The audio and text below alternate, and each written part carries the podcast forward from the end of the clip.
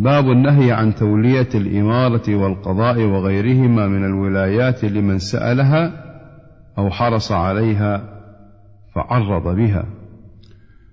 عن أبي موسى الأشعري رضي الله عنه قال دخلت على النبي صلى الله عليه وسلم أنا ورجلان من بني عمي فقال أحدهما يا رسول الله أمرنا على بعض ما ولاك الله.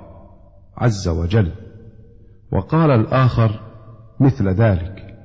فقال إنا والله لا نولي هذا العمل أحدا سأله أو أحدا حرص عليه. متفق عليه.